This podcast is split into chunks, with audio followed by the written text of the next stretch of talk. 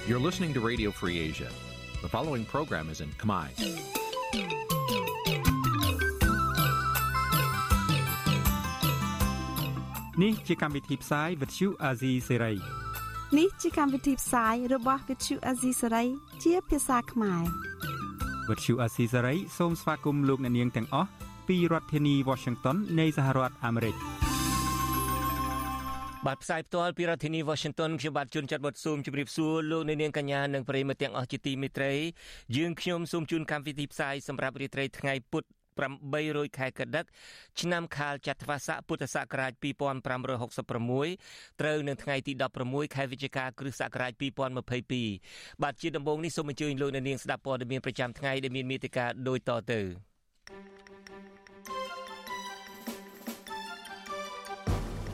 អ្នកខ្លាំមើលសង្គមរិះគន់រដ្ឋាភិបាលលោកហ៊ុនសែនថាដឹកនាំប្រទេសកាន់តែផ្ដាច់ការក្រោយរំលាយគណៈបកសង្គ្រោះជាតិ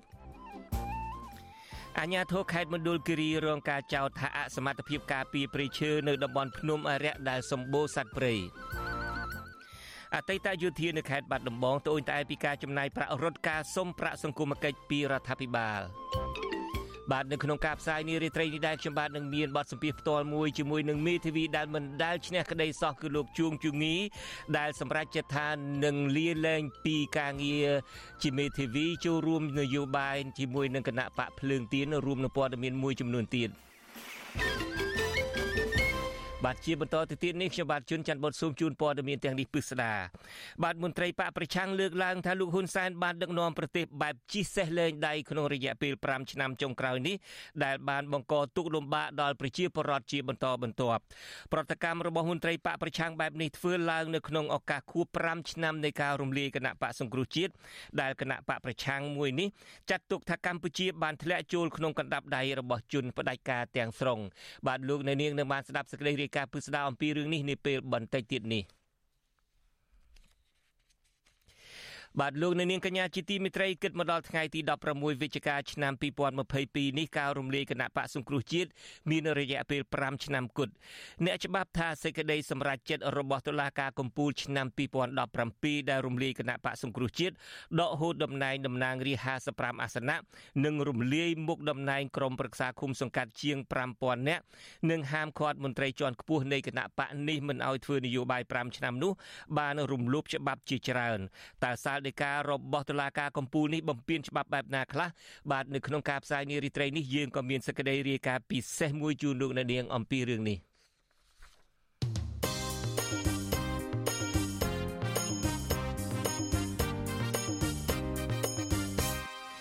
បាទលោកអ្នកនាងកញ្ញាជាទីមេត្រីភ្នំធម្មជាតិមួយកន្លែងដែលជាជំរកយ៉ាងសំខាន់របស់សត្វព្រៃនិងជាកន្លែងប្រតិបត្តិជំនឿសាសនារបស់ជនជាតិដើមភាគតិចភ្នងជាច្រើនគ្រួសារនៅខេត្តមណ្ឌលគិរីបន្តទទួលរងការឈូសឆាយព្រៃឈើទ្រង់ទ្រាយធំដើម្បីទន្ទ្រានយកដីធ្វើជាកម្មសិទ្ធិខុសច្បាប់ប្រជាសហគមន៍ជនជាតិដើមភាគតិចថាភ្នំធម្មជាតិបន្តរងការកាប់បំផ្លាញដោយសារតែការបណ្ដេតបណ្ដោយរបស់អាជ្ញាធរខេត្តមណ្ឌលគិរីបាទលោកយ៉ងច័ន្ទរាមានសេចក្តីរាយការណ៍អំពីរឿងនេះពីរដ្ឋធានី Washington ជនជាតិដើមភាគតិចភ្នងរាប់រយគ្រួសារនៅភូមិឡាវកាសង្កាត់សុកដុមក្រុងសែនមនោរមទាមទារឲ្យអាជ្ញាធរខេត្តមណ្ឌលគិរីស៊ើបអង្កេតករណីឈូសឆាយព្រៃនៅជុំវិញចង្កេះភ្នំនិងខ្នងភ្នំធម្មជាតិមួយកន្លែងដែលជាអត្តសញ្ញាណវប្បធម៌ភូមិកំណើតរបស់ពួកគាត់ជាយូរលង់មកហើយ អ្នកភូមិចាត់ទុកសកម្មភាពឈូសឆាយព្រៃឈើទ្រង់ទ្រាយធំនេះថាជាការបំផ្លាញអត្តសញ្ញាណវប្បធម៌របស់ជនជាតិដើមភាគតិច និងជាការប្រមាថមើលងាយដល់ប្រលឹងដូនតារបស់ពួកគាត់ប្រធានបណ្ដាញសហគមន៍ជនជាតិដើមភាគតិចភ្នងខេត្តមណ្ឌលគិរីលោកស្រីភ្លឹកភិរមប្រាប់វិទ្យុអាស៊ីសេរីនៅថ្ងៃទី16វិច្ឆិកាថាក្រុមឈ្មួញដែលពួកលោកស្រីមិនស្គាល់ឈ្មោះបានយកគ្រឿងចាក់ឈូសឆាយព្រៃនៅតាមចង្កេះភ្នំគម្របសាសអស់ប្រមាណ10ហិកតានៅរយៈពេល3ខែចុងក្រោយនេះ លោកស្រីបន្តថាព្រៃឈើនៅតំបន់នោះគឺជាជំរកសត្វព្រៃរួមមានទោចក្ងោកឆ្លុះនិងស្វាជាដើម កំពុងប្រឈមបាត់បង់ទីជម្រកលោកស្រីចោទថាអាញាធរខេត្តមណ្ឌលគិរីនៅតែបណ្ដេតបណ្ដោយឲ្យក្រុមឈ្មួញបំផ្លាញធនធានធម្មជាតិដដែលដដែលដោយមិនខ្វល់ពីទុកវេទនារបស់ជនជាតិដើមភាគតិចនោះទេ ដោយសារកន្លែងហ្នឹងវាព្រៃវាប៉ះពាល់លើសត្វផ្សេងផ្សេងនៅក្នុងហ្នឹងសត្វស្រុះសត្វអីសត្វសត្វគេហៅជ្រុកព្រៃជ្រុកអីថាវាសត្វគ្រប់ប្រភេទណាសត្វអីប៉ះកងកក៏ប៉ះពាល់ដែរសត្វកងកសត្វអីហ្នឹងប៉ះពាល់នៅក្នុងហ្នឹងភ្នំគម្របសាសឬហៅជាភាសាជនជាដើមភាគតិចភ្នងថាភ្នំឆ្មាឥតទ្រប់ស្ថិតនៅក្នុងភូមិឡាវកាសង្កាត់សុកដុមគឺជាផ្នែកមួយនៃដែនជំរកសត្វព្រៃភ្នំព្រិចដែលគ្រប់គ្រងដោយក្រសួងបរិស្ថានអ្នកភូមិបញ្ជាក់ថាភ្នំនេះមានទឹកជ្រោះ អមដោយដើមឈើធំធំ ប្រភេទសុក្រំឈើទាលជ័រចុងនិងកុកីជាដើម ដែលដុះនៅតាមជម្រាលភ្នំចង្កេះភ្នំ និងខ្នងភ្នំ កំពុងទទួលរងការកាប់បំផ្លាញតំណាងសហគមន៍លោកស្រីភ្លឹកភិរមបារម្ភថាសត្វទូចព្រៃនិងកង្កោកដែលមាននៅសល់តិចតួចបំផុតដែលកំពុងរស់នៅតំបន់នោះកំពុងប្រឈមនឹងគ្រោះថ្នាក់ លោកស្រីបញ្ជាក់ថាថ្មីថ្មីនេះពួកលោកស្រីបានចុះទៅដល់ទីតាំងឈូឆាយហើយប្រទះឃើញដើមឈើធំធំដែលជាកន្លែងសត្វតូចលោតលេងកំសាន្តត្រូវបានគេកាប់ផ្ដួលធ្វើអាជីវកម្មរីឯដើមឈើខ្លះទៀតវិញត្រូវបានគេដុតគំទេចចោលឲ្យคล้ายជាវាលរហោឋានសត្វតូចអ ស់ហើយនៅឃុំលើការមានតែកន្លែងនឹងមួយគាត់មានសត្វតូចហ្នឹងចាប់ហើយបើសិនជាធ្វើនៅកន្លែងហ្នឹងគ្នានឹងនៅតាទៅសត្វហ្នឹងរហូតមកដល់ឥឡូវការការពារសន្តានធម្មជាតិរបស់ខេត្តរបស់អាជ្ញាធរអីចឹងណាគឺក៏សយណាស់ពួកគាត់ហ្នឹងយើងមើលទៅសយក្នុងការការពារណាស់ វិទ្យុអាស៊ីសេរីមិនអាចតាក់ទងសុំការបំភ្លឺរឿងនេះពីប្រធានមន្ត្រីបរិស្ថានខេត្តមណ្ឌលគិរីលោកកែងសុភ័ក្រនិងអ្នកនាំពាក្យសាលាខេត្តមណ្ឌលគិរីលោកនាងវណ្ណៈបាននៅឡើយទេនៅថ្ងៃទី16ខែវិច្ឆិកាដោយទូរស័ព្ទហៅចូលតែពុំមានអ្នកទទួលក៏ប៉ុន្តែចៅសង្កាត់រងសង្កាត់សុកដុមលោកពៅសុផាត ប្រាប់វិទ្យុអាស៊ីសេរីថាអាញាធរពុំទាន់ទទួលបានដំណឹងស្ដីពីការឈូសឆាយព្រៃឈើនៅតំបន់ភ្នំនេះនៅឡើយទេ លោកបដិសេធមិនឆ្លើយតបទៅនឹងសំណួរផ្សេងទៀតឡើយដោយអះអាងថាមេភូមិមិនបានរាយការណ៍មកអាជ្ញាធរឃុំខ្ញុំអត់អត់បានរាយការណ៍ជូនទេបើចង់ដឹងការពិតខាងបងប្អូនជនជាតិដើមហ្នឹងគាត់ច្រើនតែគាត់និយាយមកវាកន្លែងណាកន្លែងណាអញ្ចឹងយើងឲ្យដឹងតែមិនបាច់រាយការណ៍ទៅដល់ណាដល់ណីអីនៅមូលដ្ឋានអត់ដឹងបង ជុំវិញរឿងនេះមន្ត្រីសិទ្ធិមនុស្សនៃសមាគមអាត60ប្រចាំនៅខេត្តមណ្ឌលគិរីលោកគ្រឿងតុលាយល់ឃើញថាអាជ្ញាធរខេត្តមណ្ឌលគិរីនៅតែប្រព្រឹត្តកំហុសដដែលដដែលដោយពុំបានការពារធនធានធម្មជាតិក្នុងដែនសមត្ថកិច្ចរបស់ខ្លួនស្របតាមច្បាប់នោះឡើយលោកជំរុញឲ្យអាជ្ញាធរខេត្តគួរតែដោះស្រាយរឿងនេះជាបន្ទាន់ដើម្បីសង្គ្រោះសត្វព្រៃនិងធនធានធម្មជាតិដែលបន្សល់ទុកចុងក្រោយ ចឹងខ្ញុំគិតថានេះជាកំហុសរបស់អាជ្ញាធរដែលគាត់ផ្លេសប្រហែសមិនយកចិត្តទុកដាក់បំរើប្រជាពលរដ្ឋបាទអញ្ចឹងខ្ញុំគាត់ស្នើសុំថាឲ្យធ្វើម៉េចឲ្យអាជ្ញាធរមូលដ្ឋានហ្នឹងគាត់បំរើការពីនិងបំពេញបន្ថែមជូនប្រជាពលរដ្ឋបានគ្រប់គ្រាន់ ប្រជាសហគមន៍ជនជាដើមភាគតិចភ្នងបន្ថែមថា ពេលនេះសម្បត្តិធម្មជាតិរួមមានព្រៃភ្នំ ទឹកជ្រោះបឹងនិងអូរធម្មជាតិជាដើមនោះកំពុងស្ថិតនៅក្នុងភាពផុយស្រួយនៅឡើយដោយសារតែអាជ្ញាធរខេត្តមណ្ឌលគិរីអសមត្ថភាពការពារធនធានធម្មជាតិទាំងនោះឲ្យបានគង់វង្សប្រជាពលរដ្ឋចោទថាអាញាធរតែងតែលាក់បាំងព័ត៌មានស្ដីពីសកម្មភាពឈូសឆាយដីព្រៃភ្នំដែលជាទីកន្លែងគោរពជំនឿនិងរកអនុផលព្រៃឈើរបស់ជនជាតិដើមភាគតិចនេះតាំងពីបុរាណមក ខ្ញុំយ៉ងច័ន្ទដារាវិទ្យុអាស៊ីសេរីរាយការណ៍ពីរដ្ឋធានី Washington បាទលោកនៅនាងពេលនេះកំពុងតែតាមដានស្ដាប់ការផ្សាយរបស់ Vithu Azisari ពីរដ្ឋធានី Washington នៃសហរដ្ឋអាមេរិកបាទមជ្ឈមណ្ឌលសិទ្ធិមនុស្សហៅកាត់ថា CCHR បង្ហាញពីហេតុការណ៍មួយចំនួន ដែលអាជ្ញាធរនៅតែបន្តរដ្ឋបិទនិងរំលោភបំពានសិទ្ធិសេរីភាពនៃការបញ្ចេញមតិទៅលើអ្នកសារព័ត៌មាននិងអ្នកការពារសិទ្ធិមនុស្សទិន្នន័យពីគម្រោងឃ្លាំមើលសេរីភាពមូលដ្ឋានរបស់មជ្ឈមណ្ឌលសិទ្ធិមនុស្សនៅថ្ងៃទី16សីហាឲ្យដឹងថារយៈពេល10ខែ គឺចាប់ពីខែថ្ងៃទី1ខែមករារហូតដល់ថ្ងៃទី30ខែកញ្ញាហេតុការតាក់ទងទៅនឹងសេរីភាពបញ្ចេញមតិបានកើនឡើងចំនួន110ដង ទៅលើអ្នកសារព័ត៌មាន និងអ្នកការពារសិទ្ធិមនុស្សក្នុងនោះរួមមានសកម្មជនបរិស្ថាន សហជីពនិងបុគ្គលិកអង្គការសង្គមស៊ីវិល ចំពោះហេតុការណ៍កើតឡើងទៅលើអ្នកសារព័ត៌មាននិងអ្នកការពារសិទ្ធិមនុស្សគឺមានភាពស្រដៀងគ្នា ក្នុងនោះរួមមានការកោះហៅទៅសាកសួរការឃុំខ្លួនការចាប់ខ្លួនដោយការចោទប្រកាន់ពីបទបរិហាកេនិងបទញុះញង់ការផ្ដន់ទាទោសនៅតុលាការការបង្ខំឲ្យផ្តិតមេដៃលើកិច្ចសន្យា ជាធ្នូក្នុងការដោះលែងនិងការដកអាជ្ញាប័ណ្ណប្រព័ន្ធផ្សព្វផ្សាយចំនួន4ស្ថាប័នជាដើម អង្គការសង្គមស៊ីវិលមួយចំនួនបារម្ភពីសេរីភាពសារព័ត៌មាននៅកម្ពុជាដែលបន្តរងការរឹតបន្តឹងពីសំណាក់អាជ្ញាធរក្តីបារម្ភទាំងនោះធ្វើឡើងនៅក្នុងសន្និសីទថ្នាក់ជាតិស្តីពីការអភិវឌ្ឍប្រព័ន្ធផ្សព្វផ្សាយ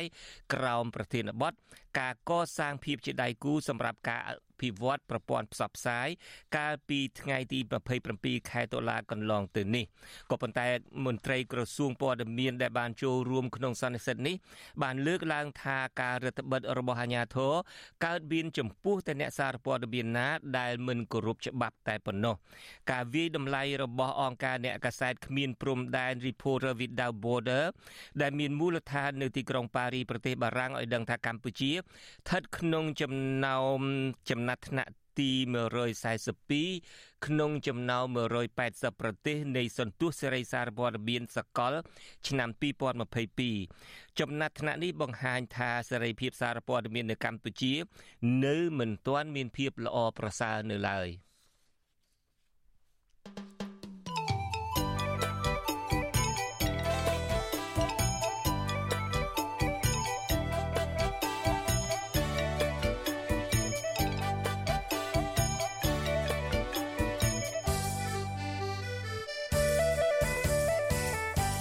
បាទលោកនាងកញ្ញាជាទីមេត្រីគណៈមន្ត្រីគណៈបកប្រឆាំងលើកឡើងថាលោកហ៊ុនសែនបានដឹកនាំប្រទេសបែបជីសេះលែងដៃក្នុងរយៈពេល5ឆ្នាំចុងក្រោយនេះដែលបានបង្កទុក្ខលំបាកដល់ប្រជាពលរដ្ឋជាបន្តបន្ទាប់ ប្រតិកម្មរបស់មន្ត្រីបកប្រឆាំងបែបនេះធ្វើឡើងក្នុងឱកាសខួប5ឆ្នាំនៃការរំលាយគណៈបកសង្គ្រោះជាតិដែលគណៈបកប្រឆាំងមួយនេះចាត់ទុកថាកម្ពុជាធ្លាក់ចូលក្នុងកណ្ដាប់ដៃរបស់ជនផ្ដាច់ការទាំងស្រុងបាទពីរដ្ឋធានី Washington លោកទីនសាការីយ៉ានមានសេចក្តីរាយការណ៍អំពីរឿងនេះមន្ត្រីគណៈបកប្រឆាំងលើកឡើងថារយៈពេល5ឆ្នាំកន្លងមកនេះរដ្ឋាភិបាលលហ៊ុនសែននៅតែបន្តពង្រឹងអំណាចផ្ដាច់ការប្រកាន់បកពួកគៀបសង្កត់អ្នកសារព័ត៌មានអាយក្រិច បិទសិទ្ធិសេរីភាពមូលដ្ឋានបរដ្ឋរំលោភសិទ្ធិមនុស្សចាប់ខ្លួនសកម្មជននយោបាយនិងសកម្មជនសង្គមដាក់គុកឥតឈប់ឈរមន្ត្រីជាន់ខ្ពស់គណៈបកសង្គ្រោះជាតិដែលរងការធ្វើទុកបុកម្នេញផ្នែកនយោបាយដែលភៀសខ្លួនទៅរស់នៅសហរដ្ឋអាមេរិកលោកអ៊ុំសំអានឲ្យដឹងថាទោះបីជារបបលហ៊ុនសែនរំលាយគណៈបកសង្គ្រោះជាតិរយៈពេល5ឆ្នាំមកហើយក្តីប៉ុន្តែសម្រាប់ជនប្រជាការនៅតែភ័យខ្លាចបាត់បង់អំណាចដោយសារតែការមិនទុកចិត្តខ្លួនឯងហើយបរដ្ឋនៅតែហ៊ានតស៊ូមតិទាមទារសិទ្ធិសេរីភាព បើទោះបីជាពួកគេរងការបង្ក្រាបពីកងកម្លាំងលហ៊ុនសែនយ៉ាងណាក្តីលោកអ៊ុំសំអានលើកឡើងបន្តថាហេតុផលសំខាន់ដែលលោកហ៊ុនសែនរំលាយគណៈបកសង្គ្រោះជាតិដោយសារតែលោកមើលឃើញថាគណៈបកប្រឆាំងដ៏ធំមួយនេះអាចជាឆ្អឹងទទឹងកដល់ការក្រាញអំណាចនិងផែនការផ្ទេរអំណាចតកូនចៅរបស់លោកហ៊ុនសែន។ បន្ទាប់ពីការរំលាយគណៈបក្សសង្គ្រោះជាតិហ្នឹងគឺលោកហ៊ុនសែនចង់កាន់អំណាចផ្ដាច់ការតវងតកូលដោយនៅកូរ៉េខាងជើងតែម្ដងគឺការដឹកនាំប្រទេសហ្នឹងមានការបោះឆ្នោតដែរក៏ប៉ុន្តែការបោះឆ្នោតហ្នឹងគឺជាការបោះឆ្នោតគ្រាន់តែបង្ក្រប់កិច្ចការបោះឆ្នោតคล้ายៗមិនមែនជាការបោះឆ្នោតដោយសេរីនិងយុត្តិធម៌ដែលមានការចូលរួមពីគណៈបកប្រឆាំងដ៏ធំដែលអាចប្រគល់ប្រជែងយកឈ្នះទៅលើគណៈបកប្រជាជនបានទេថ្ងៃទី16វិច្ឆិកាឆ្នាំ2022នេះគឺជាខួប5ឆ្នាំ ដែលតុលាការកំពូលនៃរបបលហ៊ុនសែនបានរំលាយគណៈបកសង្គ្រោះជាតិកាលពីថ្ងៃទី16វិច្ឆិកាឆ្នាំ2017តាមបំណងរបស់លហ៊ុនសែនតុលាការក៏ចោទប្រកាន់ប្រធានគណៈបកសង្គ្រោះជាតិកលោកកម្មសខាតុលាការកំពូលហាមឃាត់សិទ្ធិធ្វើនយោបាយរបស់ថ្នាក់ដឹកនាំគណៈបកសង្គ្រោះជាតិចំនួន118នាក់មិនឲ្យធ្វើនយោបាយរយៈពេល5ឆ្នាំដែរក្រោយពីការរំលាយប្រជាធិបតេយ្យមករដ្ឋាភិបាលលហ៊ុនសែនក៏មិនខ្លាចញញើត ក្នុងការបង្ក្រាបសម្លេងប្រឆាំងដែលធ្វើឲ្យប៉ះពាល់ដល់អំណាចរបស់លោកនោះដែររដ្ឋាភិបាលឯកបកមួយនេះរងការរិះគន់ជាបន្តបន្ទាប់ថាបានដឹកនាំប្រទេសប្រឆាចពីកន្លងប្រជាធិបតេយ្យនិងស្មារតីនៃកិច្ចព្រមព្រៀងទីក្រុងប៉ារីស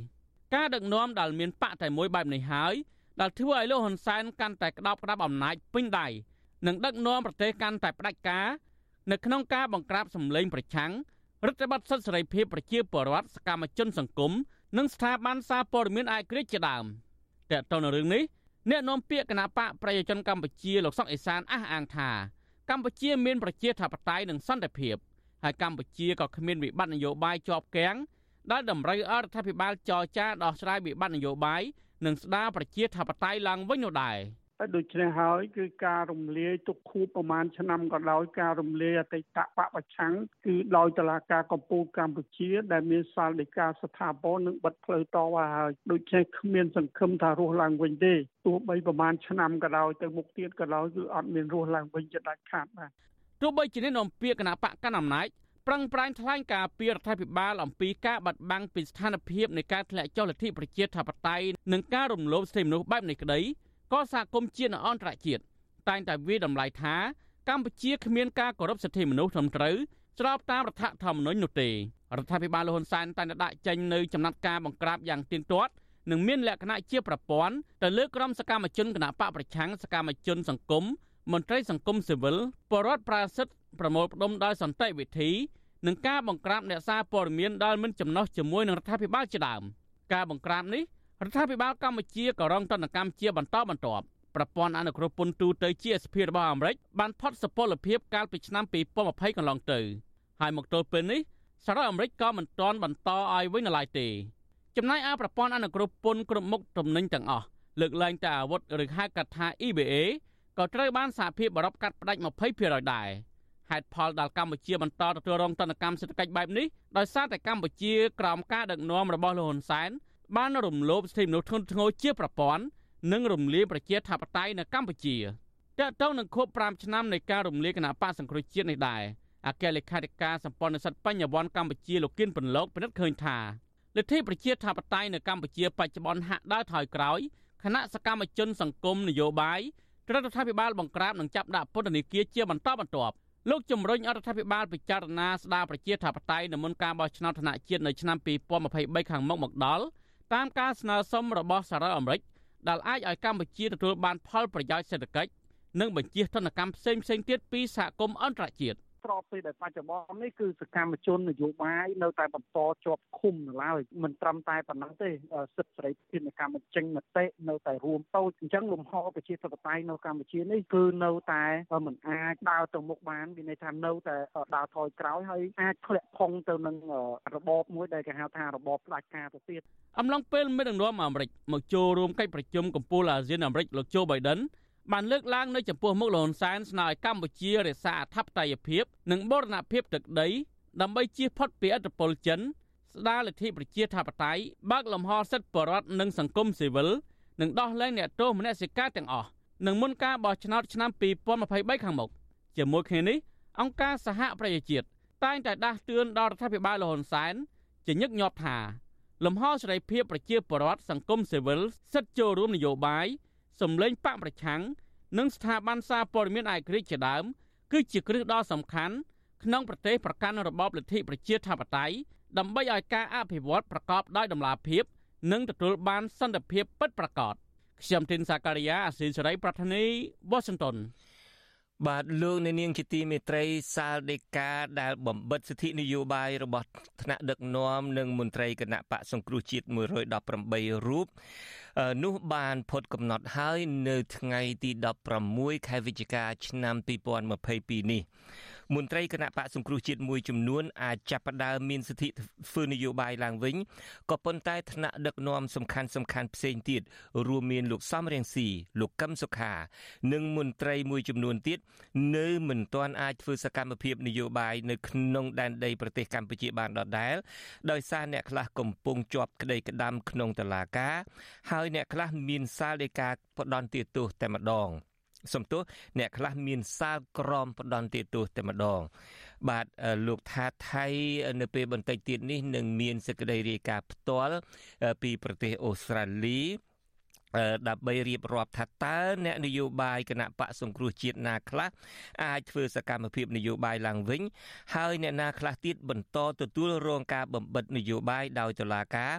ដែលគេមើលឃើញថាស្ថិតក្រោមការបង្គាប់បញ្ជារបស់លោកហ៊ុនសែននោះបាទជាបន្តទៅទៀតនេះហើយយើងនឹងភ្ជាប់ទូរស័ព្ទទៅលោកថាថៃដែលជាអ្នកឆ្លើយឆ្លងព័ត៌មានរបស់អាស៊ីសេរី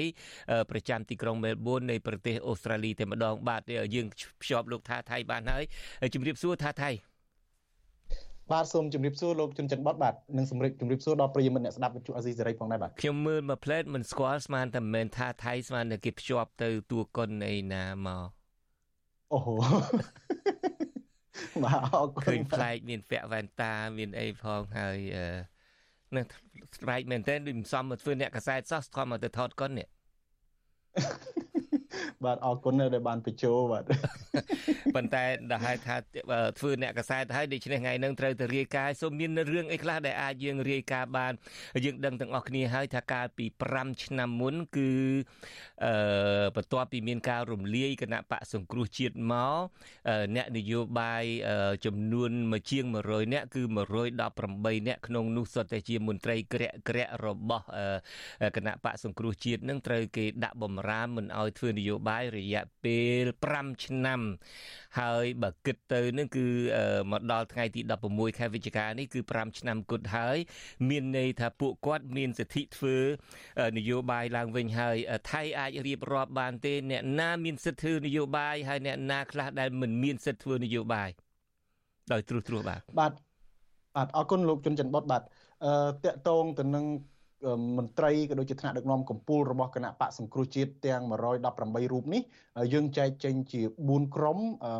ដោយមានមួយក្រុមគាត់បានទទួលមរណភាពទៅហើយហើយមួយក្រុមទៀតនឹងគាត់ក៏មានទទួលមរណភាពដល់តែមួយក្រុមផងមានន័យថាប្រមាណអ្នកទៅដល់តែមួយក្រុមបាទមកដល់ពេលនេះយើងរកឃើញថាមានអ្នកស្លាប់នៅក្នុងចំណោម118រូបហ្នឹងគឺមានដល់4រូបបាទគឺលោកជាមចានីលោកខីវ៉ាន់ដេត លោកកែវសម្បត្តិនិងលោកស្រីកិតជាវលៈឬហៅថាសូសិតជាបាទដូច្នេះមាន4រូបដែលបានទទួលមរណភាពកំឡុងពេលការហាមឃាត់សិទ្ធិនយោបាយ5ឆ្នាំហើយមួយក្រុមទៀតនឹងគឺអ្នកដែលបានសុំសិទ្ធិធ្វើនយោបាយនៅពេលដែលលោកនាយករដ្ឋមន្ត្រីហ៊ុនសែនបានប្រកោកប្រកាសកន្លងមកហើយមួយក្រុមទៀតនឹងគឺជាអ្នកដែលប្រឈមនឹងការមិនទាន់បានសុំសិទ្ធិធ្វើនយោបាយដែលដែលដែលអាចមានសិទ្ធិធ្វើនយោបាយឡើងវិញក្រោយផុតបំរាមនឹងមួយក្រុមទៀតនឹង គឺថានឹងបន្តជាប់បំរាមតឡាការថែមទៀតបាទដូច្នេះក្នុងចំណោម118រូបយើងដក4រូបដែលបានទទួលមរណភាពទៅនៅសល់តែ114រូបហើយអ្នកដែលបានសុំសិទ្ធិធ្វើនយោបាយនេះមួយក្រុមនឹងគឺថាមានខ្ទង់ជាង30នាក់ដែលបានសុំសិទ្ធិនយោបាយកន្លងមកបាទក្នុងនោះមានដូចជាលោកគង់គំហើយនិងកូនប្រុសរបស់លោកគឺលោកគង់បូរ៉ាបាទលោកគង់គំដំបងឡើយបានសុំសិទ្ធិធ្វើនយោបាយ ដោយទៅធ្វើជាទីប្រឹក្សារបស់គណៈបកកូនប្រុសរបស់លោកគឺលោកគង់មុនីកាក៏ប៉ុន្តែបច្ចុប្បន្នលោកបានក្លាយទៅជាទីប្រឹក្សារបស់គណៈបកភ្លើងទៀនទៅហើយបាទហើយចំណែកឯកូនប្រុសរបស់លោកគឺលោកគង់បូរ៉ាវិញដែលជាតំណាងរាស្ត្ររបស់គណៈបកសង្គ្រោះជាតិដែរនឹងគឺបច្ចុប្បន្នពេលដែលលោកសុំសិទ្ធិធ្វើនយោបាយលោកក៏បានចូលជាមួយនឹងគណៈបកប្រជាជនកម្ពុជាហើយក៏បានតែងតាំងឲ្យคล้ายជាអនុរដ្ឋលេខាធិការក្រសួងមហាផ្ទៃបាទចំណែកឯមន្ត្រីគណៈបកសង្គ្រោះជាតិដែលធ្លាប់គេស្គាល់គេ ដឹងឮច្រើនណាស់ហ្នឹងគឺលោក Real Cameron លោក Real Cameron ក៏បានសុំសិទ្ធិធ្វើនយោបាយទៅបង្កើតគណៈបកមួយដែរគឺគណៈបកខ្មែរអភិរក្សនិយមនឹងឥឡូវហ្នឹងអង្គុយតែសរសើរគណៈបកប្រជាជនកម្ពុជាដែលលោកតែងរិះគន់កន្លងមកបាទដោយសារតែមានការអាចអាចថាការបង្កើតគណៈបកហ្នឹងមានការយល់ព្រមអីផងបាទក្រៅពីនេះគឺថាមានមួយក្រុមទៀតហ្នឹងក៏ទៅបង្កើតគណៈបកកែតម្រង់កម្ពុជាក្រោយពីសុំសិទ្ធិធ្វើនយោបាយដែរដូចជាលោកអ៊ូច័ន្ទរត លោកប៉ុលហំនិងលោកស្រីទេពសុធីដែរហើយពួកគាត់សិតទៅជាសមាជិកគណៈកម្មការនយោបាយមួយក្រុមទៀតហ្នឹងក៏បានទៅសុំសិទ្ធិធ្វើនយោបាយរួចទៅហើយដែរហ្នឹងគឺគណៈបកខ្មែរស្រឡាញ់ជាតិដូចមានលោកជាវកតាលោកកងកំហៈជាដើមបច្ចុប្បន្នក្រោយពេលដែលគាត់សុំសិទ្ធិធ្វើនយោបាយគាត់បានរត់ទៅបង្កើតគណៈបកខ្មែរស្រឡាញ់ជាតិ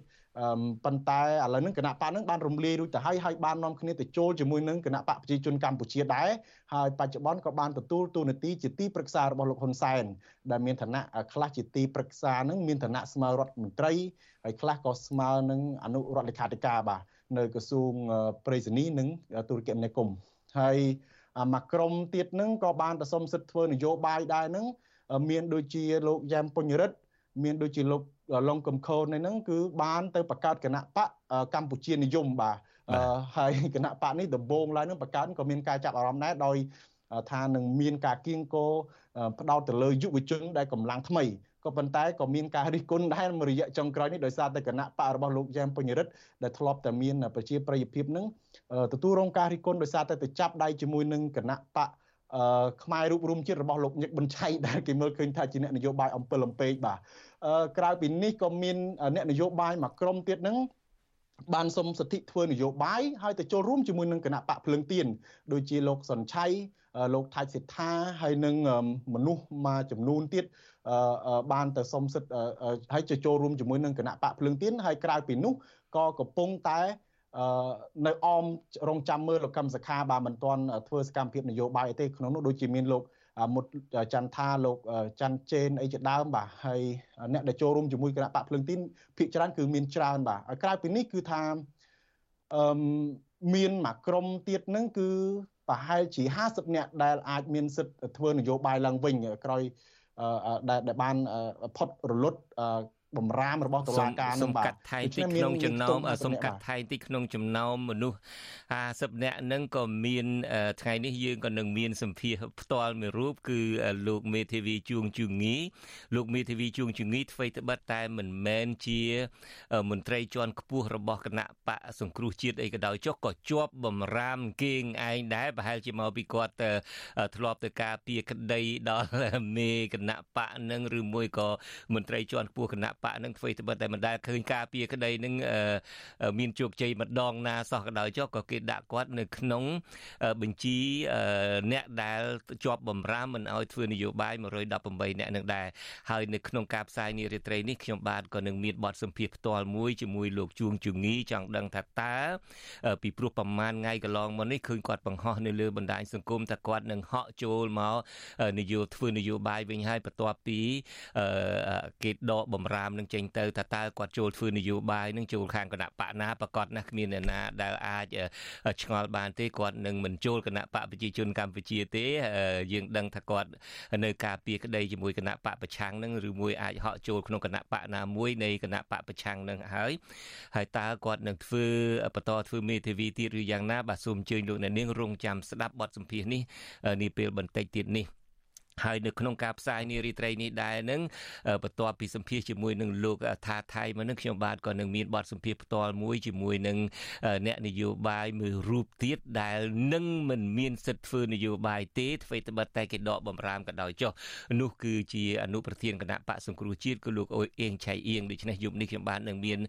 បទសម្ភាសច្រើនណាស់បន្ទាប់ពីទៅជែកជាមួយថៃរួចមកបាទសូមទោសថៃកាត់បន្តិចប៉ុណ្ណឹងសូមបន្តទៀតចុះ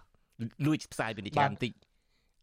បើតាមពិតទៅគឺលោកជួងជងីក៏ធ្លាប់បានសុំសិទ្ធិធ្វើនយោបាយដែរក៏ប៉ុន្តែត្រូវបានលោកហ៊ុនសែនបដិសេធដោយលោកជុនច័ន្ទបុតជ្រាបហើយប្រហែលជាដោយសារតែលោកជួងជងីធ្លាប់ការពារឲ្យមេបកប្រឆាំងផងហើយជំហររបស់លោករឹងមាំអីទៅដឹងដែលធ្វើឲ្យ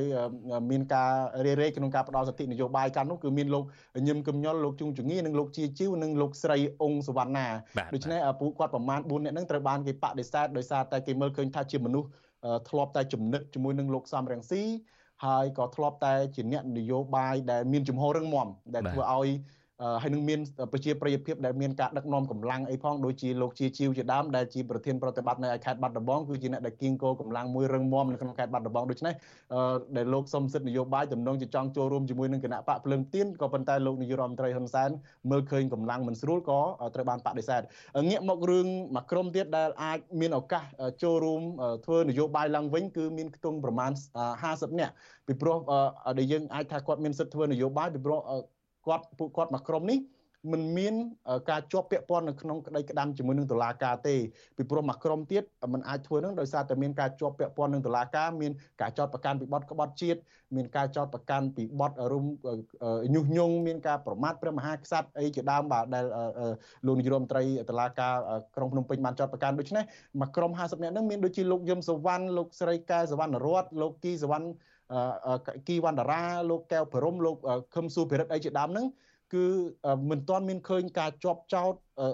ជាប់នៅក្នុងរឿងតុលាការទេហើយបើតាមខ្ញុំបានសាកសួរខាងបកភ្លើងទៀន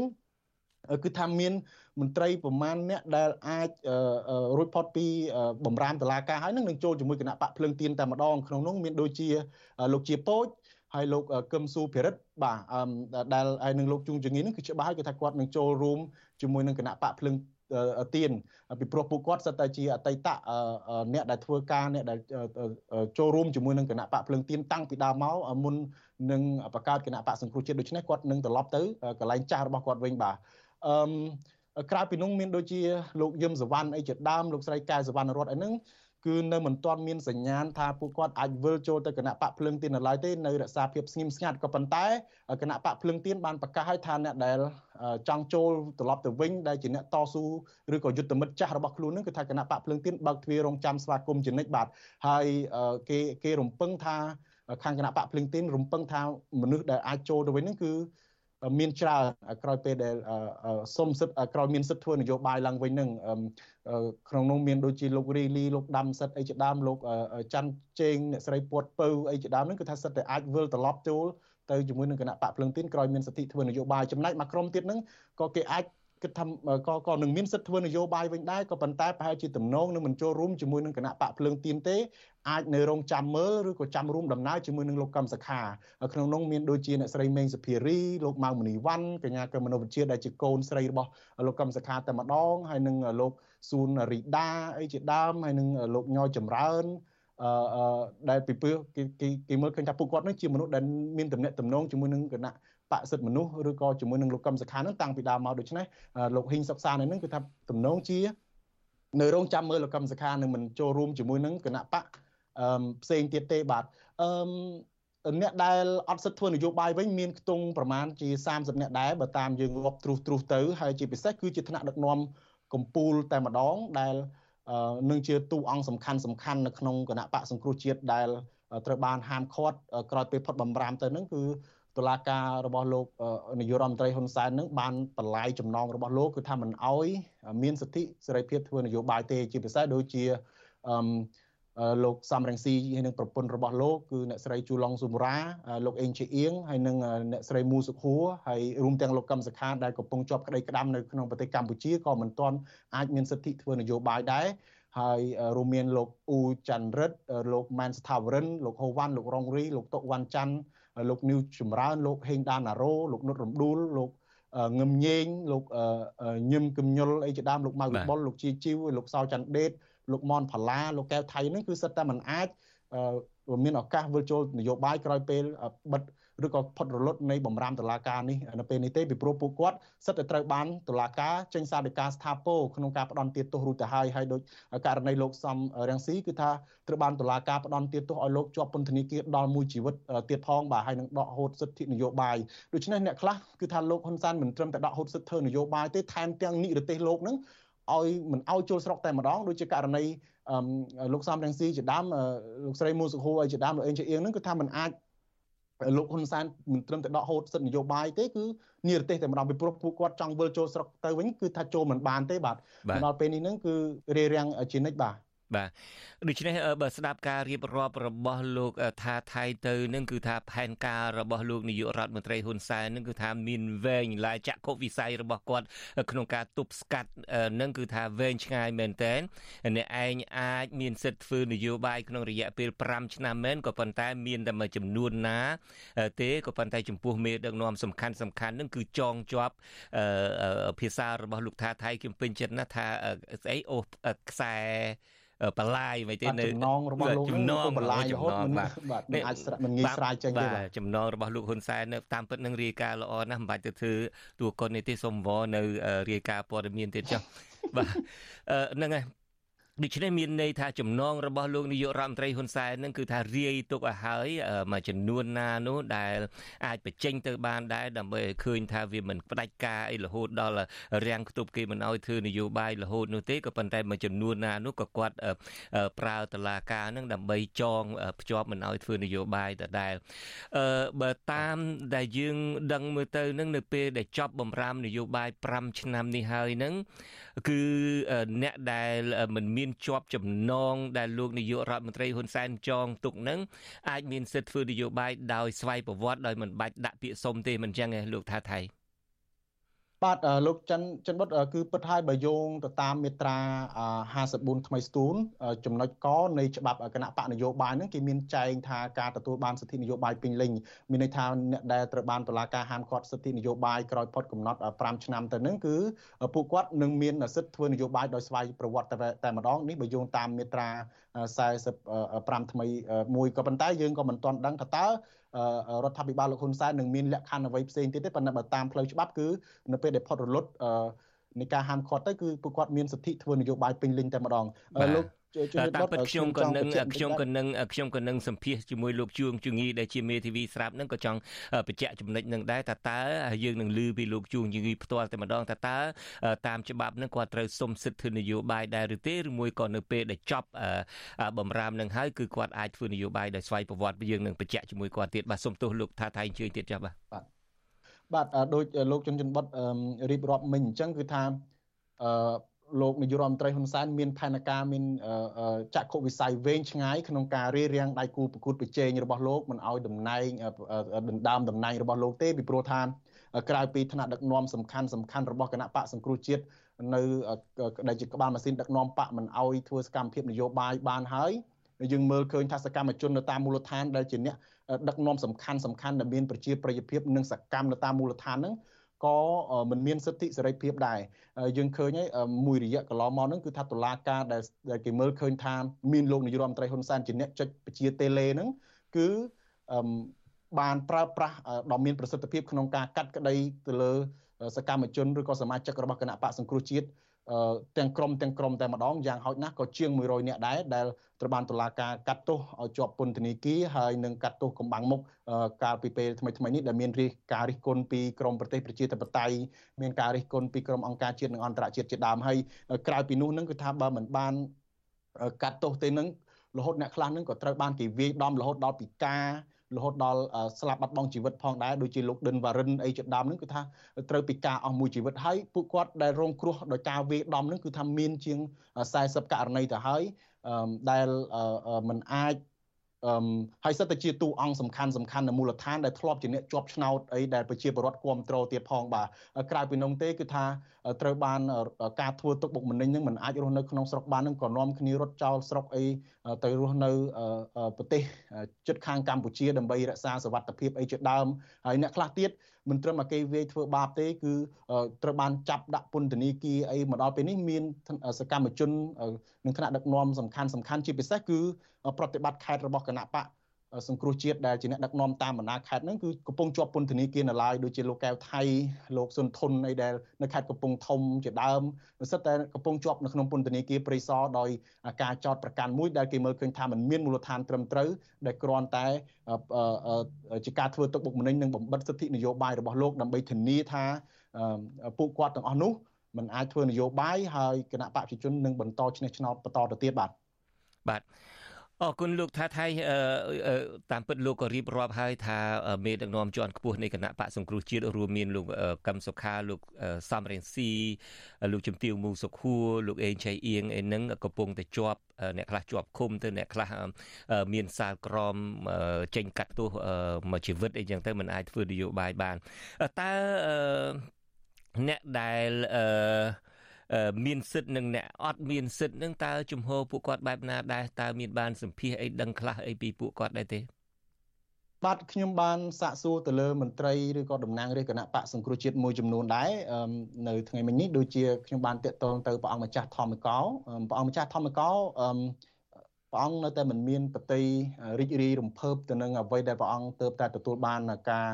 សិទ្ធិនយោបាយក្រោយផុតរលត់នៃការហាមឃាត់នេះទេព្រះអង្គថាព្រះអង្គនៅតែទទួលរងនូវភាពអយុត្តិធម៌កន្លងមកដោយសារតែព្រះអង្គមិនមានកំហុសត្រូវបានដកហូតសិទ្ធិធ្វើនយោបាយហើយថែមទាំងរំលាយគណៈបកសង្គ្រោះជាតិដែលជា ដែលគ្រាន់តែធ្វើការទៅតាមគោលការណ៍ប្រជាធិបតេយ្យបាទដូច្នេះពេលដែលសួរថាតើព្រះអង្គមានបតីរីករាយព្រះអង្គមិនថាមិនមានបតីរីករាយគឺធម្មតាហើយព្រះអង្គក៏មិនសម្រេចបតីនៅឡើយថាតើនឹងចូលរួមជាមួយនឹងគណៈបកណានៅក្រៅពេលដែលមានសិទ្ធិសេរីភាពឡើងវិញនេះព្រះអង្គថានឹងចង់ឲ្យមានការដោះស្រាយគណៈបកសង្គ្រោះជាតិដដែលជំហរព្រះអង្គគឺថានៅតែឲ្យមានការផ្ដល់គណៈបកសង្គ្រោះជាតិនឹងរស់ឡើងវិញ ហើយព្រះអង្គក៏រងចាំមិនមិនទាន់សម្រេចចិត្តថាចូលរួមជាមួយគណៈបកនេះប៉ុន្តែបើសិនជាទៅមុខទៀតអាចថាលោកកឹមសខាអីជាដើមមានសិទ្ធិធ្វើនយោបាយហើយអាចដឹកនាំគណៈបកសង្គ្រោះជាតិអីរស់ឡើងវិញព្រះអង្គក៏សម្រេចចិត្តឡើងវិញដែរក្រៅពីនោះមានតំណាងរាជគណៈបកសង្គ្រោះជាតិមួយចំនួនដែលជាប់ក្នុងរឿងតុលាការដូចជាលោកងឹមញេងជាដើមហ្នឹងគឺលោកថា សម្រាប់លោកគឺនៅតែមិនទាន់អស់អាល័យក្នុងការបន្តជីវិតនយោបាយក៏ប៉ុន្តែដោយសារតែតុលាការបានហាមឃាត់សិទ្ធិរបស់លោកដោយសារតែលោកត្រូវបានតុលាការចេញដីកាតាមចាប់ខ្លួនជាដើមដូច្នេះសម្រាប់លោកលោកនៅតែចង់ធ្វើនយោបាយដដែលបាទសោកស្ដាយដែល ហើយលោកនៅតែបន្តរិះគន់ដែលតុលាការត្រូវបានគេប្រើជាឧបករណ៍ក្នុងការរារាំងសិទ្ធិនយោបាយរបស់លោកពីព្រោះលោកថាអ្វីដែលលោកចង់ទៅនឹងគឺដើម្បីចូលរួមធ្វើឲ្យមានចូលរួមការអភិវឌ្ឍសង្គមជាតិចូលរួមឲ្យមានប្រជាធិបតេយ្យនៅក្នុងប្រទេសតែប៉ុណ្ណោះបាទបាទ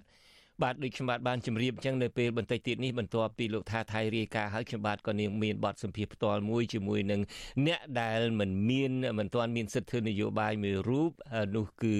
អនុប្រធានគណៈបកសង្គ្រោះជាតិគឺលោកអេងឆៃអៀងខ្ញុំនឹងសម្ភាសលោកអេងឆៃអៀងបន្ទាប់នេះលោកថាថៃលោកធ្វើការអាស៊ីសេរីនឹងយូរយារណាស់មកហើយតាំងតែពីមិនទាន់មានការរំលាយគណៈបកសង្គ្រោះជាតិមកម្លេះតើក្នុងរយៈពេល5ឆ្នាំនៃការរំលាយគណៈបកសង្គ្រោះជាតិមន្ត្រីគណៈបកសង្គ្រោះជាតិនឹងមិនអាចមានសិទ្ធិធ្វើនយោបាយបាននឹងតើស្ថានភាពបែបណាដែរនៅពេលដែលអវត្តមានគណៈបកប្រឆាំងអវត្តមានគណៈបកមន្ត្រីរបស់គណៈបកប្រឆាំងនៅក្នុងឆាកនយោបាយកម្ពុជានេះបាទបាទអឺប្រជាពលរដ្ឋអាចមើលឃើញហើយថារយៈពេល5ឆ្នាំដែលអវត្តមានគណៈបកសង្គ្រោះជាតិឬក៏ អវត្តមានអ្នកនយោបាយរបស់គណៈបកប្រឆាំងវាធ្វើឲ្យសង្គមប្រែប្រួលបែបណាខ្លះបាទបើយើងមើលទ្រុសទ្រុសទៅគណៈបកប្រជាជនកម្ពុជា បានដឹកនាំរដ្ឋាភិបាលឯកបកគឺការណាដែលដឹកនាំឯកបកត្រូវបានគេមើលឃើញថាធ្វើអ្វីស្រេចតែនឹងចិត្តហើយអំណាចរបស់ខ្លួនដែលឡើងដល់កម្ពូលដោយគិតថាមិនមាននរណាអាចដណ្ដើមបាន គឺចាប់ផ្ដើមជិះសេះលេងដៃហើយ ជក់បរិយអង្គុយហួចតែម្ដងដោយមិនខ្វល់អំពីប្រជាពលរដ្ឋអីទេហើយយើងឃើញថា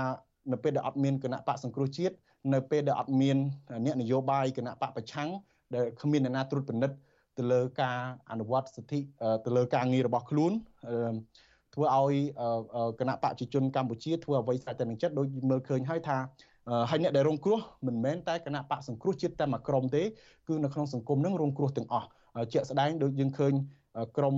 អ្នកកសែតក៏លែងមានសេរីភាពត្រូវបានប្រក្រាបដែរក្រមអង្គការសង្គមស៊ីវិលក៏មិនអាចក៏រងការគំរាមកំហែងរដ្ឋបិទសិទ្ធិសេរីភាពដែលមិនអាចបំពេញការងាររបស់ខ្លួនបានទូលំទូលាយដោយការដែលមានវត្តមានគណៈបកសង្គ្រោះជាតិទេពីព្រោះគណៈបកសង្គ្រោះជាតិនៅពេលដែលមានចង់មិនចង់រដ្ឋគណៈបកកណ្ដាលអំណាចក៏មិនហ៊ានធ្វើអ្វីតាមចិត្តដែរអាច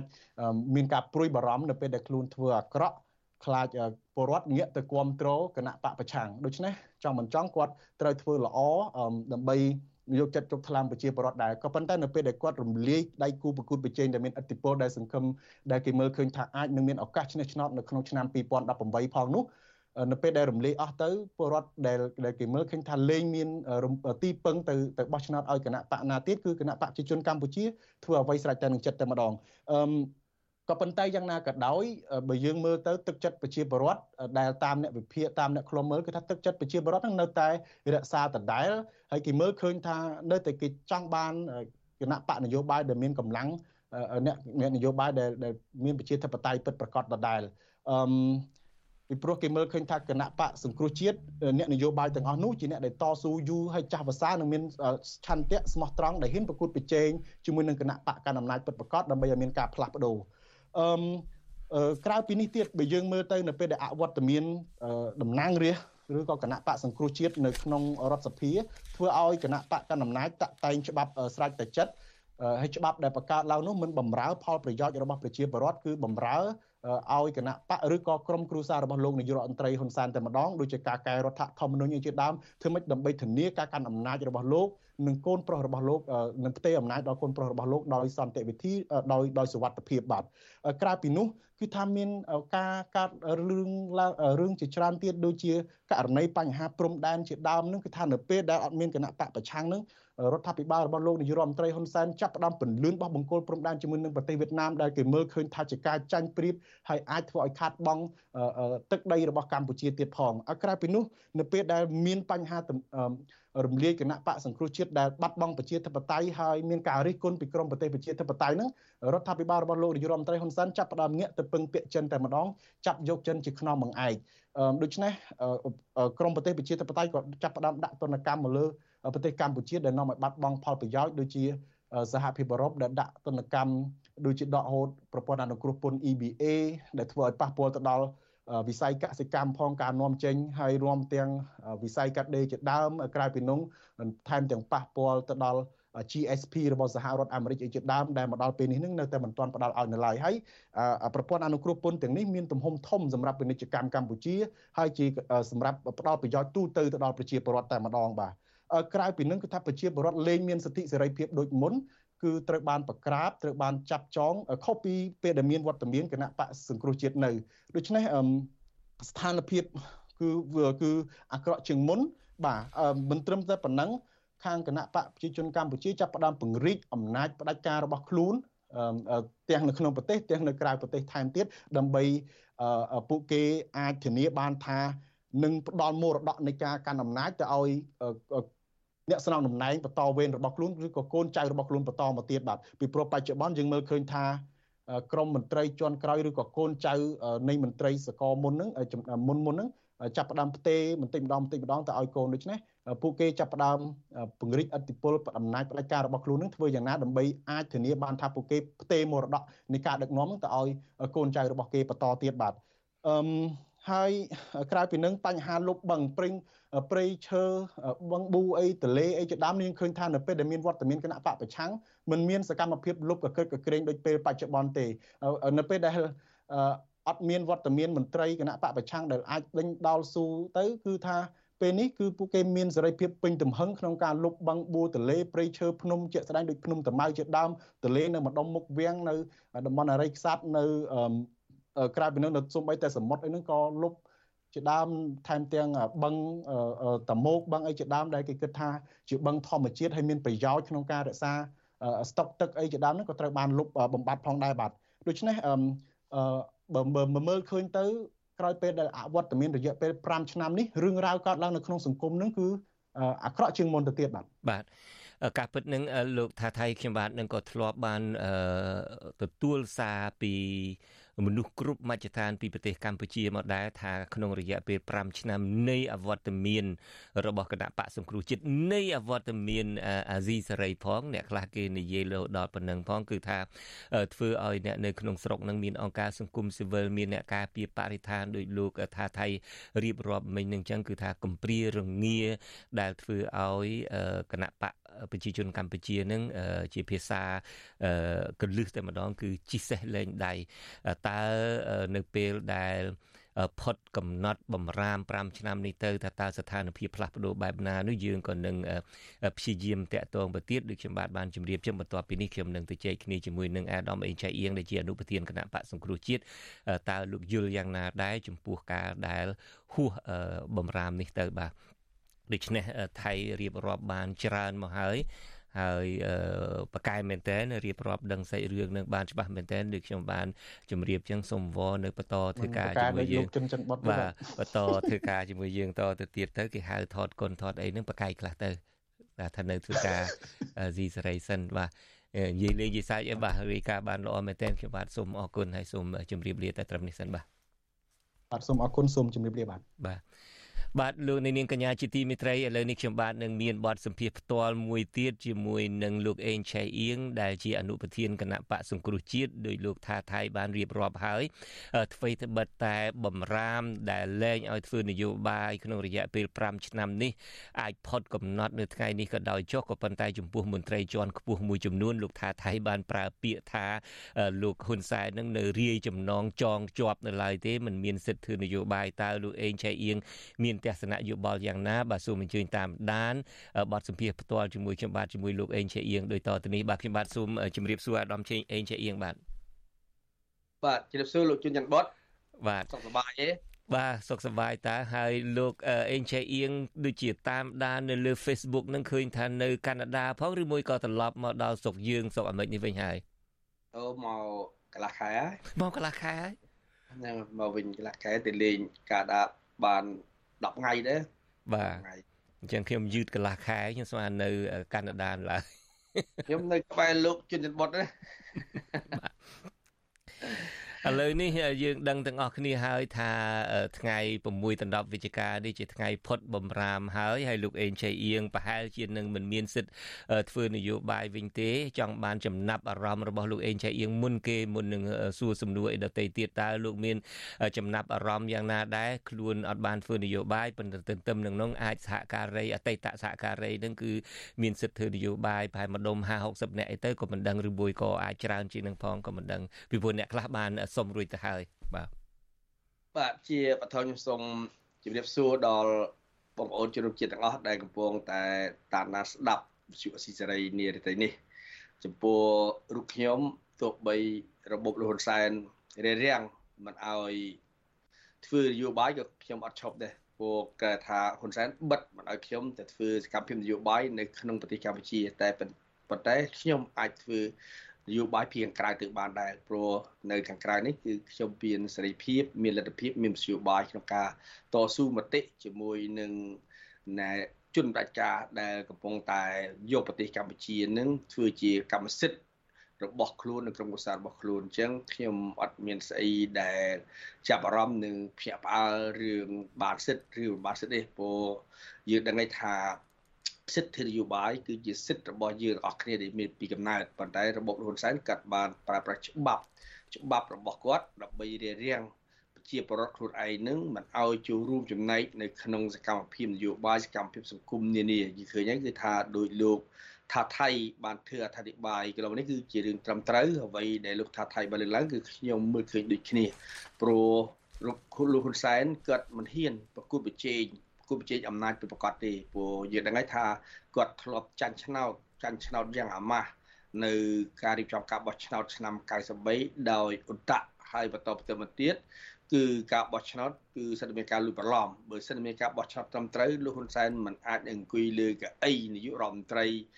បដលពីនេះទេគឺគាត់ត្រូវបាត់បង់ហើយចឹងហើយបានគាត់តែតែលួចបន្លំស្លឹកឆ្នោតហើយគាត់បានដឹងថាការបោះឆ្នោតឆ្នាំ2008កន្លងមកនេះបើកាលថាមាន គណៈបកសង្គ្រោះជាតិគឺអានោះគាត់នឹងចាញ់គាត់មិនអាចដូចបានដូចមុនទៀតព្រោះយើងដឹងហើយថាក្រោយពេលដែលគណៈបកសង្គ្រោះជាតិគឺថាទៅជែកដើម្បីកែតម្រង់គណៈកម្មការជាតិរៀបចំការបោះឆ្នោតមកគឺជាការបោះឆ្នោតមួយដែលប្រជាប្រដ្ឋខ្មែរនិងសហគមន៍អន្តរជាតិគេទទួលយកបានអញ្ចឹងហ៊ុនសែនក៏ដឹងច្បាស់អញ្ចឹងហើយបានគាត់រំលាយគណៈបកសុជាតិគាត់បិទអត់ឲ្យមានការប្រគល់ប្រជែងអញ្ចឹងហើយដល់គណៈអត់មានការប្រគល់ប្រជែងគឺគាត់នៅតែខ្វល់ខ្វាយដែរដោយរងថ្ងៃនេះ ទោះបី5ឆ្នាំកន្លងមកនេះអត់មានគូប្រកួតមានពិតប៉ុន្តែគាត់ក៏ដេកអត់លុកដែរព្រោះគាត់ដឹងថាប្រជាប្រដ្ឋខ្មែរអត់សុខចិត្តទេទាំងអស់គ្នាគ្មានពីណាគេសុខចិត្តទេព្រោះយើងឃើញហើយគឺថាប្រជាប្រដ្ឋខ្មែរលោកចង់មានការផ្លាស់ប្ដូរហើយផ្លាស់ប្ដូរតាមរយៈនៃការបោះឆ្នោតអញ្ចឹងគាត់បិទបិទគូប្រកួតមួយគឺបិទគណៈបក្សប្រជាជាតិយើងឃើញចាប់លោកកឹមសុខាដាក់ពន្ធនាគារហើយនឹងដកសិទ្ធិមន្ត្រីជាតិខ្ពស់គណៈបក្សប្រជាជាតិ118នាក់មិនឲ្យមានសកម្មភាពនយោបាយ ប៉ុន្តែជាប្រកខ្មែរលោកអត់នៅស្គៀមទេយើងឃើញរយៈពេល5ឆ្នាំនេះការតស៊ូការតតាំងគ្រប់បែបយ៉ាងគឺគឺធ្វើឲ្យលោកហ៊ុនសែនដេកមិនលក់នៅមិនស្រួលអញ្ចឹងកាត់តែតែរោមស្យបាយផ្សេងទៀតដើម្បីដាក់ទោសដាក់ទោសអ្នកនយោបាយសកម្មជនសិទ្ធិមនុស្សសកម្មជនសង្គមផ្សេងផ្សេងទៀតគ្រប់បែបយ៉ាងនេះមកដល់ពេលនេះហើយលើនេះ គឺយើងដឹងថានឹងមានអ្នកនយោបាយមួយចំនួនគាត់នឹងមាន សេរីភាពដើម្បីចូលរួមជ្រើសរើសគណៈបកនយោបាយប៉ុន្តែសម្រាប់លំហសេរីភាពទូទៅនឹងវាអត់មានទេគឺយើងមើលទៅឃើញថាស្ថានភាពនឹងវានៅតែលំបាកដដែលទោះបីអ្នកនយោបាយដែលជាប់បំរាមនឹងមានសេរីភាពក្នុងការជ្រើសរើសចូលរួមជាមួយនឹងគណៈបកនយោបាយផ្សេងផ្សេងក៏មិនពិតប៉ុន្តែ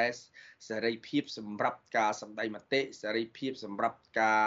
ធ្វើសកម្មភាពសង្គមសកម្មភាពនយោបាយក៏នៅតែតូចជាងទៀតដដែលដែរអញ្ចឹងវាអត់មានស្អីដែលធ្វើឲ្យយើងនឹងរំភើបយើងអបអរសាទរជាមួយនឹងអ្វីដែលគេថាចប់បំរាមនយោបាយទេព្រោះយើងដឹងថាដើម្បីឲ្យកម្ពុជាឲ្យប្រទេសកម្ពុជាយើងដែលអាចឈ្មោះទៅរកប្រជាធិបតេយ្យឡើងវិញបាននឹង លុះត្រាតែលំហសេរីភាពត្រូវតែបើកទលាយទលំទលាយដោយអ្វីដែលសហគមន៍អន្តរជាតិទោះបីលោកជូបៃដិនដែលគាត់ជួបមួយលោកសែនក៏គាត់បានជំរុញឲ្យលោកហ៊ុនសែននឹងត្រូវតែបើកលំហសេរីភាពដល់ប្រជាប្រដ្ឋខ្មែររៀបចំមានការបោះឆ្នោតមួយ ត្រឹមត្រូវសេរីយុត្តិធម៌ហើយនឹងដោះលែងដោះលែងអ្នកទស្សនយោបាយទទួលមនសិការនិងទម្លាក់បទចោទប្រកាន់ទាំងអស់មកលើអ្នកនយោបាយអានឹងទើបប្រទេសកម្ពុជានឹងមានដំណើរការប្រជាធិបតេយ្យពិតប្រាកដ បាទអរគុណអាដាមអេងឆអៀងដែលបានបកស្រាយ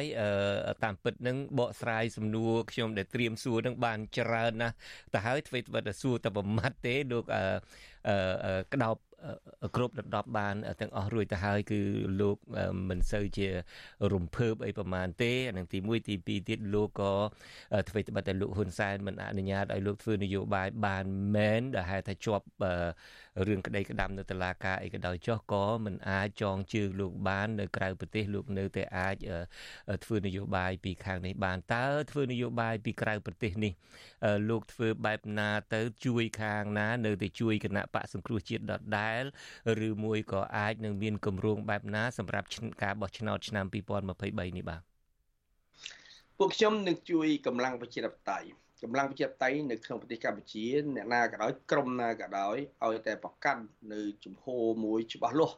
ថាយើងធ្វើសកម្មភាពដើម្បីយុទ្ធធម៌សង្គមដើម្បីឲ្យមានការផ្លាស់ប្ដូរប្រកបគឺពួកយើងជួយព្រោះយើងមិនអាចព្រោះខ្លួនយើងយើងមិនអាចទៅផ្ទាល់ខ្លួនយើងបានប៉ុន្តែយើងមានអ្នកនៅខាងក្នុងព្រោះយើងដឹងហើយថាប្រជាប្រដ្ឋខ្មែរ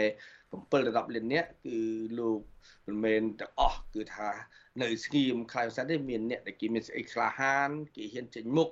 គេហ៊ានតវ៉ាគេហ៊ានតស៊ូមតិជាមួយនឹងអំណាចផ្ដាច់ការជាមួយនឹងអយុធធម៌សង្គមអញ្ចឹងពួកយើងនៅខាងក្រៅនោះគឺយើងជួយជួយអ្នកទាំងអស់ហ្នឹងបាទអ្នកណាក៏ដោយក្រុមណាក៏ដោយយើងអត់មានគិតថាតើនឹងនឹងមានទំនាក់ទំនងជាមួយយើង ធ្វើការក្រោមការចាត់ចែងរបស់យើងអត់ទេគឺយើងមើលឃើញដឹងយើងឃើញដូច ក្មួយក្មួយយុវជនបងប្អូនដទៃទៀតដែលអ្នកការពារបរិស្ថាន ការពារធនធានធម្មជាតិអ្នកដែលតស៊ូដើម្បីសេរីភាពដើម្បីយុត្តិធម៌គណៈបកនយោបាយដែលមានគោលជំហរច្បាស់លាស់មិនចុះញោមមិនរណបគឺថាយើងនឹងជួយយើងនឹងផ្ដល់កម្លាំងចិត្តលើកទឹកចិត្តយើងតាំងមធ្យោបាយតាំងអ្វីអ្វីទាំងអស់ដែលយើងអាចជួយបានគឺពួកយើងនៅខាងក្រៅនេះយើងនឹងជួយបែបនេះបាទបាទ ខ្ញុំជឿថាអ្នកនយោបាយនៅក្នុងប្រទេសដែលមាននិន្នាការទៅរកប្រជាធិបតេយ្យរីករាយចំពោះសាររបស់លោកអេងឆេអៀងថានឹងបន្តជួយយុវជនជួយអ្នកនយោបាយខាងប្រកាន់ខាងប្រជាធិបតេយ្យនៅប្រទេសកម្ពុជាបាទខ្ញុំបាទអរគុណអាដាមអេងឆេអៀងដែលផ្ដល់បទសម្ភាសន៍ដល់ខ្ញុំបាទហើយជាពិសេសផ្ដល់ចំណាប់អារម្មណ៍តាក់ទងទៅនឹងការដែលផុតបំរាមហើយនឹងការដែលបដិញ្ញាចិត្តរបស់លោកបាទខ្ញុំបាទសូមជម្រាបលាទៅត្រឹមនេះបាទ បាទអរគុណបាទសូមជម្រាបលាលោកជនបាទបាទ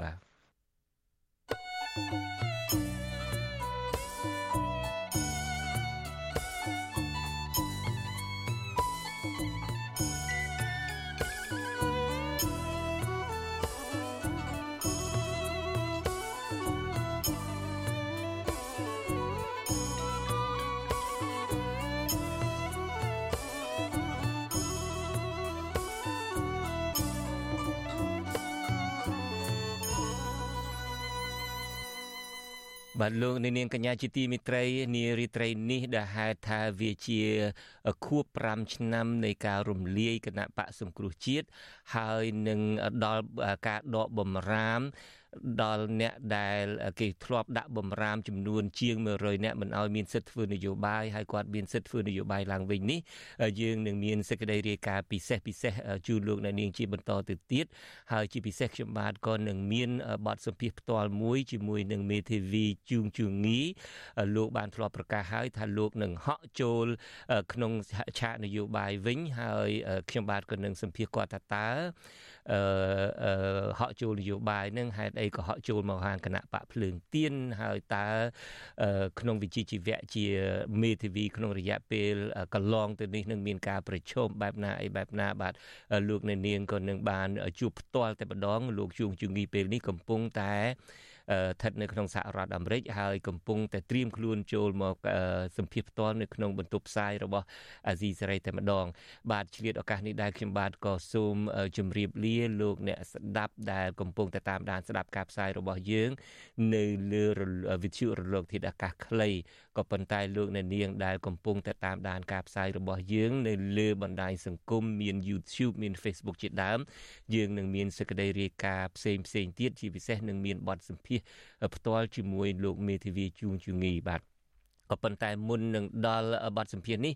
ខ្ញុំបាទមានសេចក្តីរាយការណ៍មួយតាក់ទងទៅនឹងអតីតយោធាកងដឹកជញ្ជូននៅខេត្តបាត់ដំបងត្អូញត្អែពីការចំណាយប្រាក់រត់ការសុំប្រាក់សង្គមគិច្ចពីរដ្ឋាភិបាល បាទអតីតទាហានកងដឹកជញ្ជូន250នៅខេត្តបាត់ដំបងត្អូញត្អែពីការរត់ការធ្វើឯកសារស្នើសុំប្រាក់សង្គមគិច្ចចំណាយប្រាក់អស់ច្រើនបញ្ហានេះបណ្ដាលឲ្យពួកគាត់ជួបការលំបាកនិងប៉ះពាល់ដល់ជីវភាពរស់នៅមន្ត្រីសង្គមស៊ីវិលយល់ថារដ្ឋាភិបាលនិងស្ថាប័នពាក់ព័ន្ធគួរពិនិត្យនិងស្រាវជ្រាវដល់មូលដ្ឋាន ដើម្បីផ្ដល់ភាពកក់ក្ដៅនិងជួយដល់ពលរដ្ឋបាទពីរដ្ឋធានី Washington អ្នកស្រីសុជីវីមានសេចក្តីរាយការណ៍អំពីរឿងនេះអតីតទាហានកងដឹកជញ្ជូនលេខ250មុនសម័យសមរណកម្មបារម្ភពីការបាត់បង់ប្រាក់ក្រោយអាជ្ញាធរស្រុកកំរៀង និងអ្នករត់ការឯកសារស្នើសុំប្រាក់សង្គមគិច្ចសម្រាប់អតីតកងដឹកជញ្ជូនទាមទារប្រាក់ពីពួកគេជាបន្តបន្ទាប់ពួកគេលើកឡើងថាប្រសិនបើអាជ្ញាធរចង់ជួយពលរដ្ឋដែលកំពុងជួបការលំបាកហេតុអ្វីបានជាទាមទារប្រាក់ច្រើនលើសពីលទ្ធភាពរបស់ពលរដ្ឋអតីតទាហានកងដឹកជញ្ជូនលេខ250ស្រុកកំរៀងខេត្តបាត់ដំបងបានប្រាប់វិទ្យុអាស៊ីសេរីនៅក្នុងលក្ខខណ្ឌសមមិនបញ្ចេញឈ្មោះនៅថ្ងៃទី16ខែវិច្ឆិកាថា លោកស្រីធ្វើជាទាហាននៅក្នុងកងដឹកជញ្ជូនតាំងពីឆ្នាំ1979ជាមួយនឹងលោកនាយកនលោកស្រីថាមេភូមិនិងរដ្ឋបាលឃុំតាសែនស្រុកកំរៀងបានប្រមូលប្រវត្តិរូបអតីត